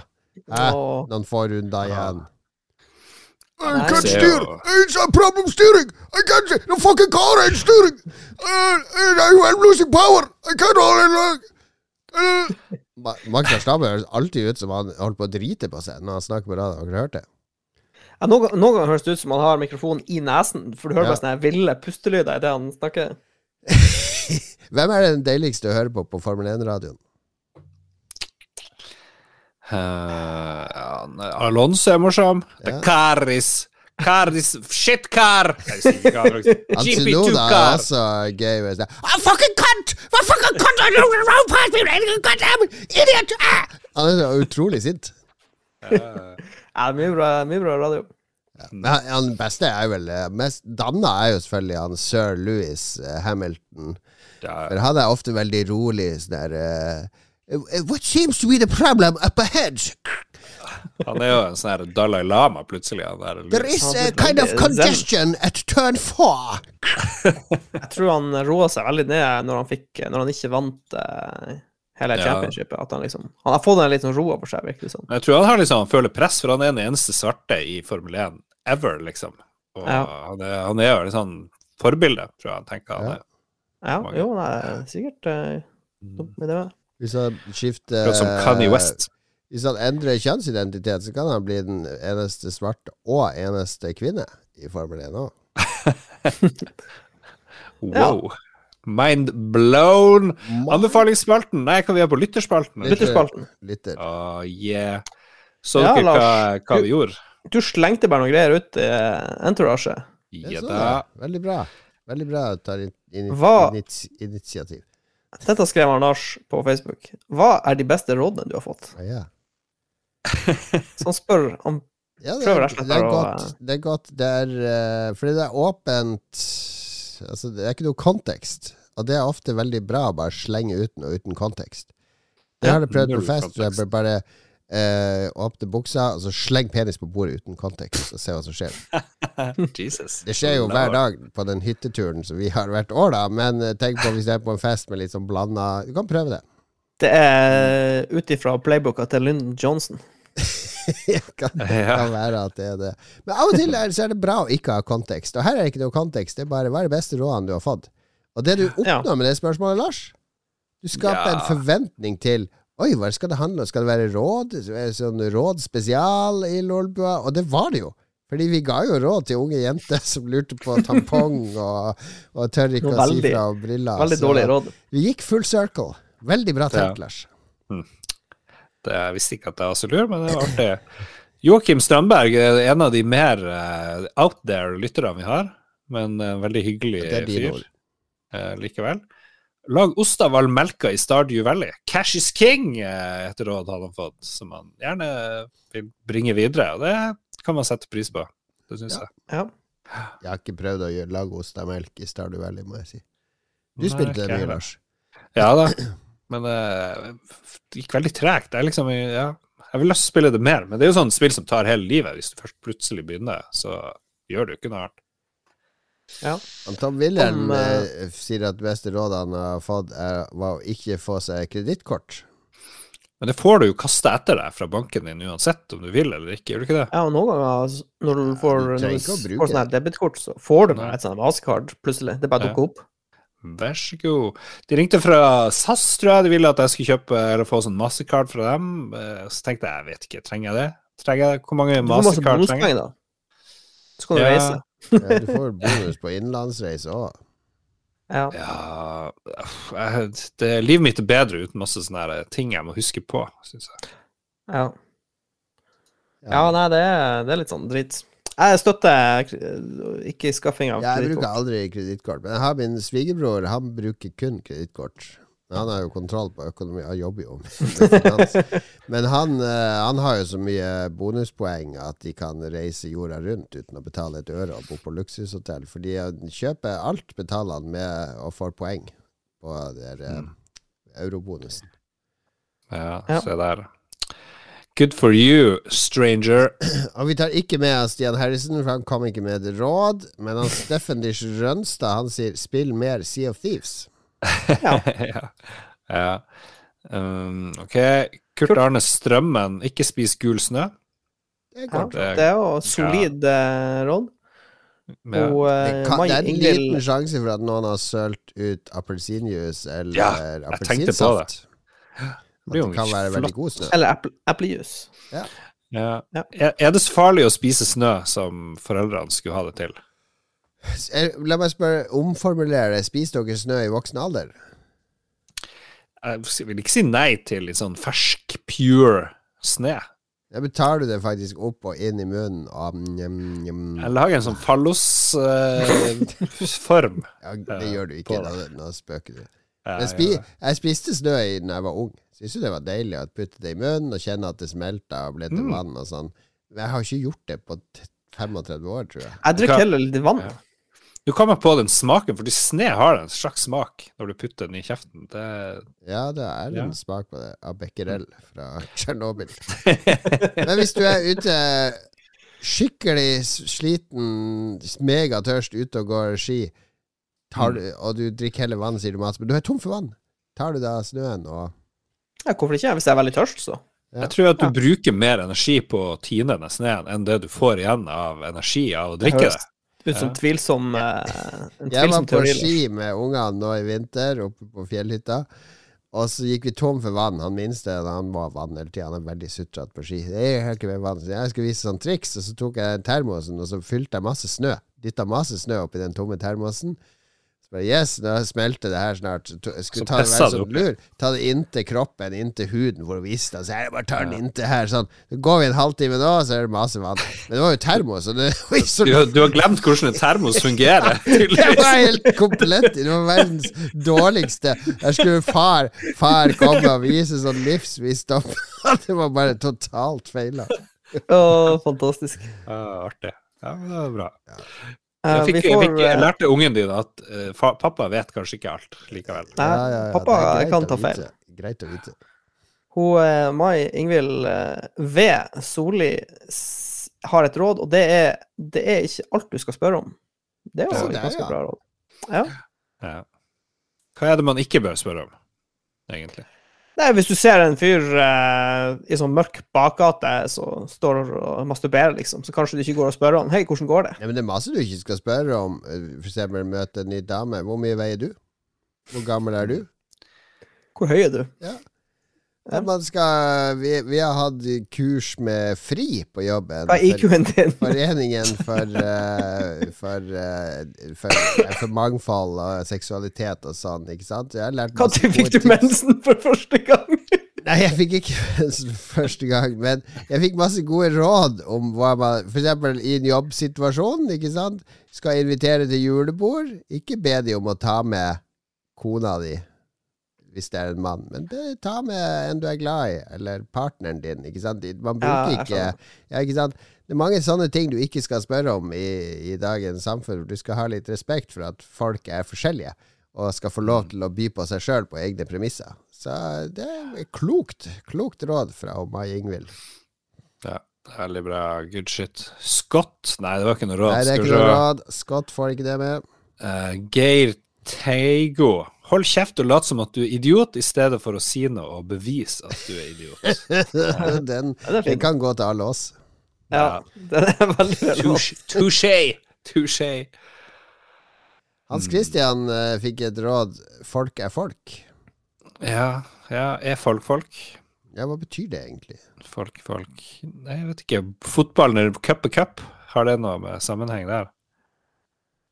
Jeg vet ikke. Det må jo bety noe. Jeg har jo hørt det før. Folk er folk. Ja, tror det er noen tysk slagord. Ein folk. Folk er folk er en ideell organisasjon etablert i 2010 for å arbeide mot hva de anser er urettferdig behandling av romfolk og rumenere i Norge.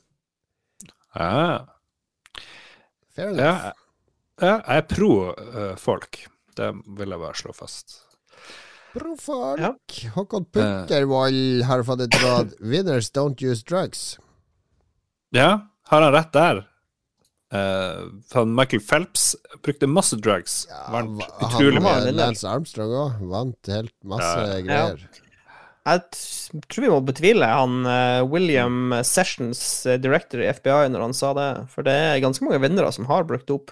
Og Therese Johaug brukte dop. Ja, det var jo le legen hennes, Mats. Nå, Vi må ikke få noe søksmål fra Johaug, klesfabrikant. Du har Johaug, beste norske skiløperen, og han uh, Kisen som driver og kjører og knuser Jo, men også, men vi må huske også at det finnes lovlig dop. Ja, ja. Gjør det Ja. det? Det, det står ikke illegal drugs, det står bare used drugs. Mm. Det finnes jo, det finnes jo uh, narkotiske stoffer som er lovlige, gjør det ikke? ja. Eller ja, det spørs hva vi legger i ordet drugs. Fordi uh, det, det reagerte min uh, 13-åring på her om dagen. Når vi snak, vi, Av og til så, så, så uh, leser litt engelske ting, og sånn uh, uh, spurte hva apotek var. Ja, det er drugstore. Hæ? Drugstore? Skal vi gå og kjøpe narkotika og sånn? Det syns han var veldig rart. Men det heter so, okay, liksom- apothecary. It's where Altså, the apothecary i- lives. Ifølge amerikanerne så er jo ibupro, ibuprofen er jo drugs. Viagra er Ja. drugs. Jo da. Så Håkon har fått et annet tips og råd. Ikke se for lenge på TV, du får firkanta øyne. Og det er det ingen av oss som har fått, så det tror jeg vi kan motbevise. Ja, det var en fare før i tida. Det var det. Og er det så jævla trasig å ha firkant i øya, da? Altså, er det, Har det noen konsekvenser om øya blir firkanta? Det høres litt kult ut, men eh, jeg vet ikke. Klarer du å se rundt hvis øynene dine blir firkanter, liksom? Ja, det var kanskje vanskelig du ser mer? Kanskje du ser inn i den fjerde dimensjonen? Jeg vil gjerne, jeg vil gjerne ikke shame de som faktisk har firkant i øya, ikke sant? Ja. Det, dette, er- det, det holder ikke i dag å si det. Det, det Da krenker det noen. Ja. Du får jo dårligere syn av å masturbere, har jeg lest eller hørt. Det ble sagt. Ja, får også hår i håndflaten og Ja, og jeg har jo fått ganske dårlig syn eh, etter hvert. Så og Mats har kanskje best mest dårlig nesten, syn. jeg er jo nesten blind. Du er jo the jerker. Jerkmeister.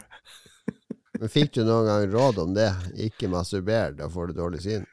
Eh, Det ble det jo det, jeg husker jo at det er blitt sagt, men jeg vet ikke om det var liksom ble sagt fra mamma. Det eneste, det eneste Jeg gikk jo på barneskole i Stavanger, eh, og da kom det Da kom det en prest inn på klasserommet vårt, og så sa han at vi ikke måtte høre på Rage Against the Machine. For det var, eh, det var satanistisk musikk. Ja, vi kunne ikke høre på Rage Against the Machine. Vi kunne ikke høre på ACDC. Vi kunne ikke høre på Iron Maiden. Alt det var satanisk musikk. Det måtte vi ikke høre på. Det var, det var rådene vi fikk på, eh, på skolen vår i Stavanger. Så ja. Men er det noen råd dere har fått som dere husker i dag, liksom, som forandra livet deres, eller satte spor? Som Eh,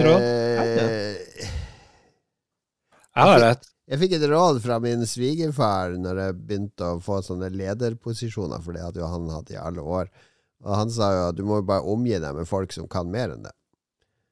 Fordi Mm. det er jo ikke noe vits for en leder å kunne mer enn de du har rundt deg, som skal hjelpe deg. ja. Så det har jeg egentlig fulgt. Jeg prøver å ikke kunne mer enn noen. ja. Jeg og Mats kan jo mye mer enn det.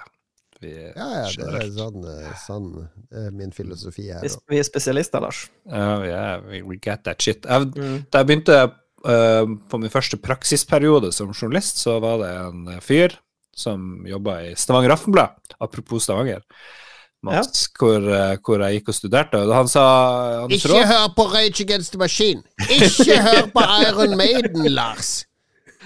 Hvordan visste Jeg du vet det? du tror det er løyemusikk. Det er satans musikk! Det er akkurat det han sa. Han sa. samme duden. Han sa det. Skal vi se Hva var det han sa da? Kom igjen, jeg ødela historien din. Han sa 'si det som det er', sa han. Si det som det er. Sitt det som det er! Ja. Ja, det er Ikke ikke lat som at Han mente det var et veldig godt råd for journalister, fordi hvis du Nei. later som at du vet mer enn du gjør, så får du vite mye mindre òg, for da tror folk at du vet, liksom. Å han kan det her, og ditt og datt. ikke, bare- ikke vær redd for å innrømme at du ikke vet noe. Ja. Og så, ja, og så tok jeg det til meg til å gjelde hele livet, egentlig, og det tror jeg det mente han kanskje òg. Liksom bare si, ikke prøv å late som et eller annet, fordi det, det en sånn usikker person som meg uh, i livet kunne finne på liksom bare Ja, det er godt, men klarer du å gjøre det jeg, jeg føler jo at jeg også etterlever det, men klarer du å gjøre det som leder og sånn, når de ansatte spør, de vil gjerne vite at her er en, eh, en person som har kontroll, det er denne personen som sørger for at jeg får lønn, for at vi har en strategisk visjon, for at vi marsjerer i takt mot den. Tør du å vise uvitenhet der? Nei, nei, nei. nei. Jeg lyver hele tida på jobb. Nei, men det Nei, nå Ja, prøv å si det som det er, altså. Det er jo, vi, har, vi, har jo held, vi er jo heldige. Det er jo en bra bedrift jeg jobber i. Så. Ja. Du jobber ikke i en russisk avis. Nei. Ruski aviski. Ja. Så det er mitt råd til alle lyttere her. Si det som det er. Si det som det er. Ja. Det er en sang, det, fra 80-tallet. Tell it like it is. Så jeg husker riktig. Ja. Og klippe håret oftere enn jeg gjør. Det er jo et råd. Get Boys eh, fikk et råd om å høre på Lolbua, sa folk, og det rådet, to, rådet tok han til seg. Ja, det er bra. Å, der, Daniel Hansen. Klipp deg for jobb. Der er jeg, jeg, er på ditt, jeg er på ditt lag. Ja, men Ja, jeg vet jo hvor det kommer fra, det uttrykket, men Ja, det stemmer vel ikke i dag. Han eh, Erlend Nettum har råd om å søke på ei stilling på universitetet. Oi. Men jeg er litt usikker på hvilket universitet eh, det er snakk om. Men eh, du får, vi får google han Erlend Nettum, da. Ja, han har jeg vel jobba med på Akersvik, tror jeg. Så det må jeg finne ut av. Kristian Christian Jesem Eh, Oslo. Oslo sitt universitet.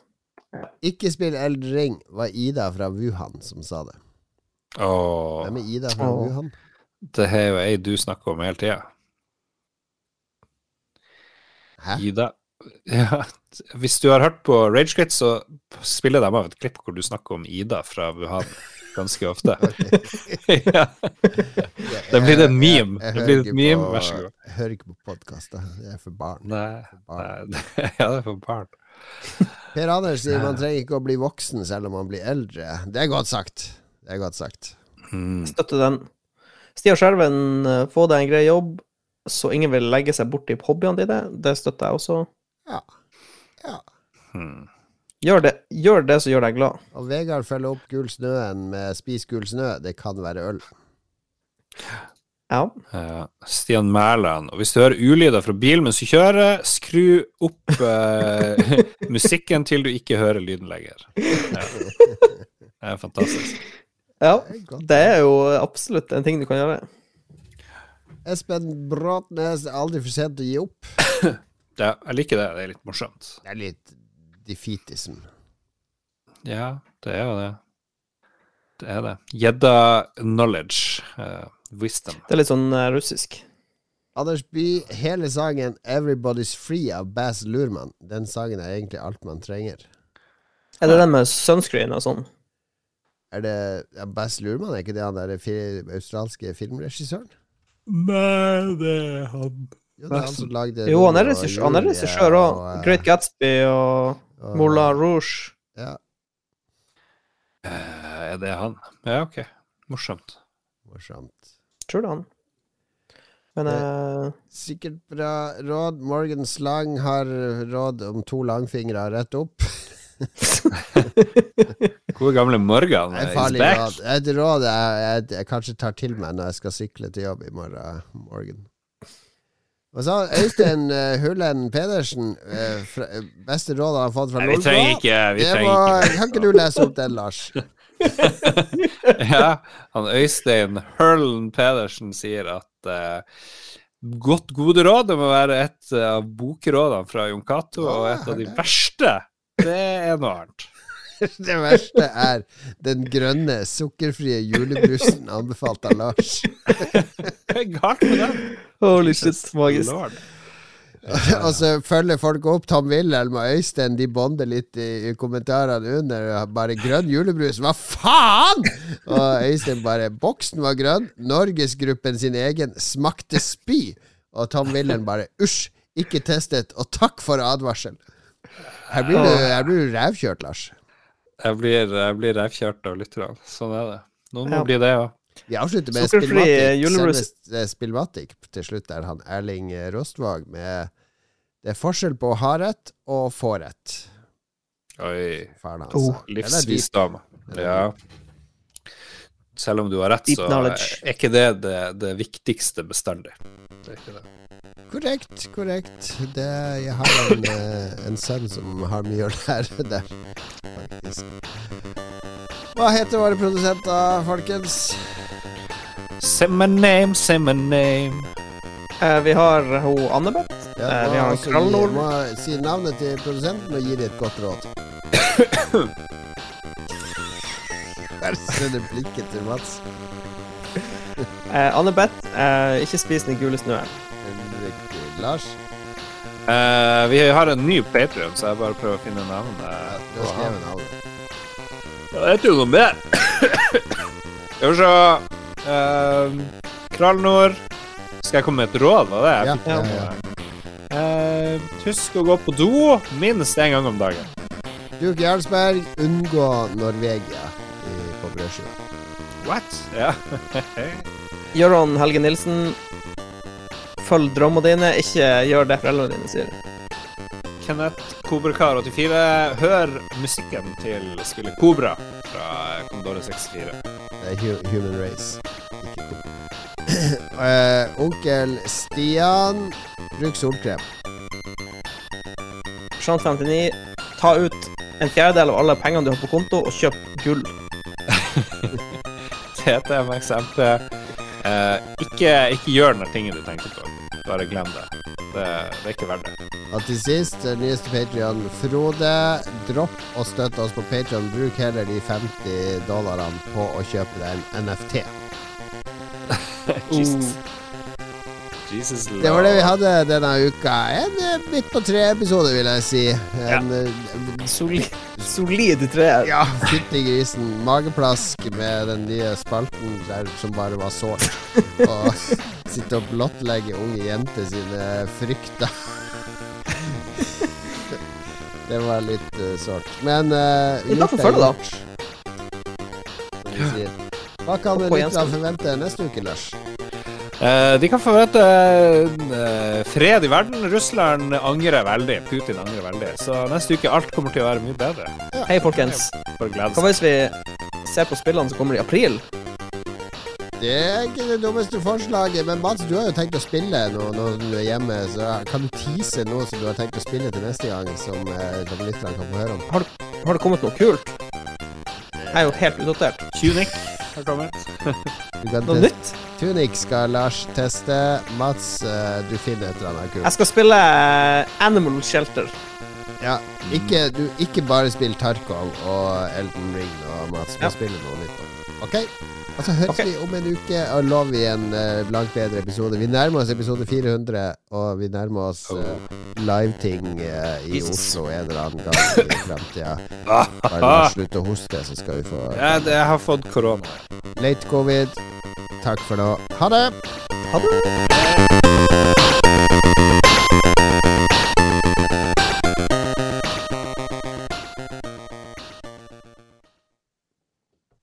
Har du et enkeltpersonforetak eller en liten bedrift? Da er du sikkert lei av å høre meg snakke om hvor enkelt det er med kvitteringer og bilag i fiken, så vi eh, gir oss her, vi. Fordi vi liker enkelt.